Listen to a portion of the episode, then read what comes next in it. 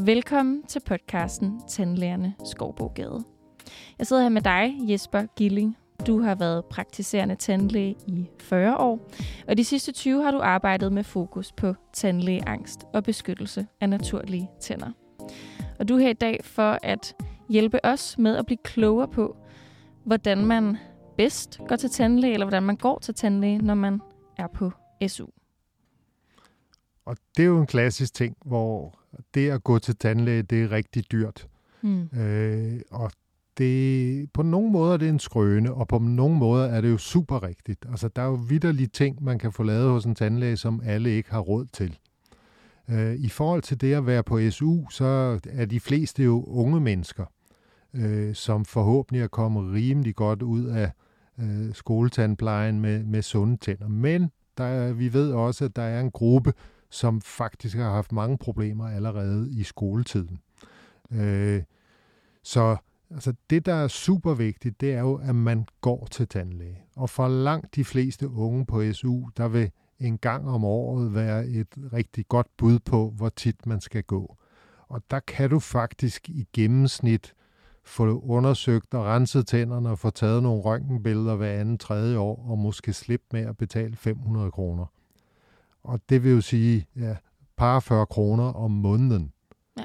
Så for mange, hvis man undlader at købe en kaffe latte om måneden, ud over de andre, men bare fjerner en, så vil der faktisk være penge til at gå til tandlæge. Mm. Så der vil jeg våge den påstand, at langt de fleste vil kunne finde de penge. Selvfølgelig er det jo ikke rart den dag, man skal betale de 500, når man havde tænkt, man skulle i byen og biografen, og så står man lige og mangler dem. Øh, men hvis man nu fik lavet en lille separat konto, man kaldte tandkontoen, og så bad banken om automatisk at føre 45 kroner over på den hver måned, jamen så ville pengene jo stå der. Øh, og så tror jeg, så ville det ikke belaste så meget. Det, der er rigtig dyrt, som vi jo desværre ser, det er, når man forlader skolen øh, som 18-årig kommunal tandpleje. Sådan var det før. Nu er der lavet nogle andre regler, men øh, når man forlader skoletandplejen eller kommunal tandpleje, så falder man ligesom ud af det. Og så når man ikke rigtig at få meldt sig til nogle steder. Og det går jo meget godt, og jeg har ikke ondt i tænderne, og de lugter ikke for meget, og folk vringer ikke næsen af mig, så hvorfor skal jeg bruge de penge? Og så er der jo altså nogen, der som 23-årig får vanvittigt ondt i tænderne, og så viser det sig, at de skal have rodbehandlet en tand.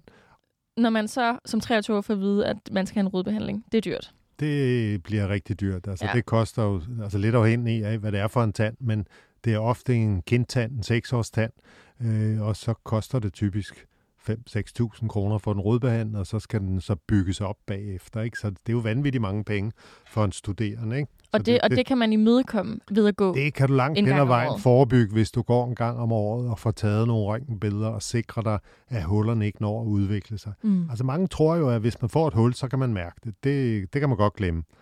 Nogle gange kan du, men der er så også masser af tilfælde, hvor du ikke har mærket noget som helst, og lige pludselig braser tanden sammen. Ikke? Øh, og det er bare smadret ærgerligt. Altså, jeg, jeg fælder en lille tårer hver gang, jeg ser sådan en, et ung menneske, der kommer med tidligere perfekte tænder, og så lige pludselig er der en, to tænder, øh, der skal rodbehandles. Og, og det, som mange ikke tænker på, det er, jo, det er jo ikke bare en udgift her og nu. Lige så snart tanden er repareret, så skal du resten af livet ja. have den repareret, når den går i stykker. Ikke? Så, så det første hul, det skal man bare ikke have. Så, så så, øh, så det er bedre at gå en gang om året, for ligesom på den måde at, at spare penge. Helt, helt sikkert, helt sikkert. Og så lav den der konto, og så få det automatiseret og sæt de der 40-45 kroner af om måneden til det.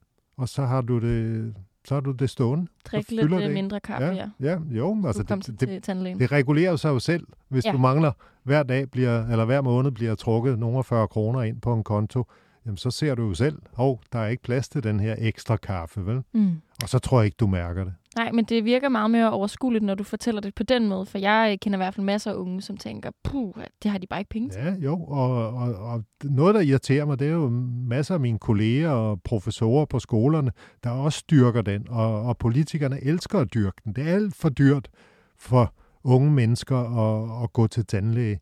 Men altså, hvis vi bare beder det ned til det, hvad det reelt koster, så er det for mange ikke for dyrt. Og så må vi så holde hånden under dem, der så heller ikke kan finde de 500. Så må vi få dem isoleret, og så have nogle systemer, der, der hjælper dem. Ikke?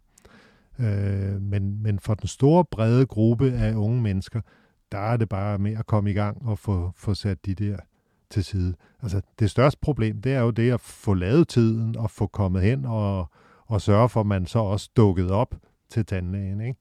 Men altså, der må den enkelte jo hive lidt op i sig selv og sige, det er mit ansvar at passe på min krop. Altså, mange render jo fitnesscenter og alt muligt andet, ikke? Og passer på deres krop. Så hvorfor ikke også lige gøre lidt ekstra for tænderne og se at komme til tandlæge en gang om året?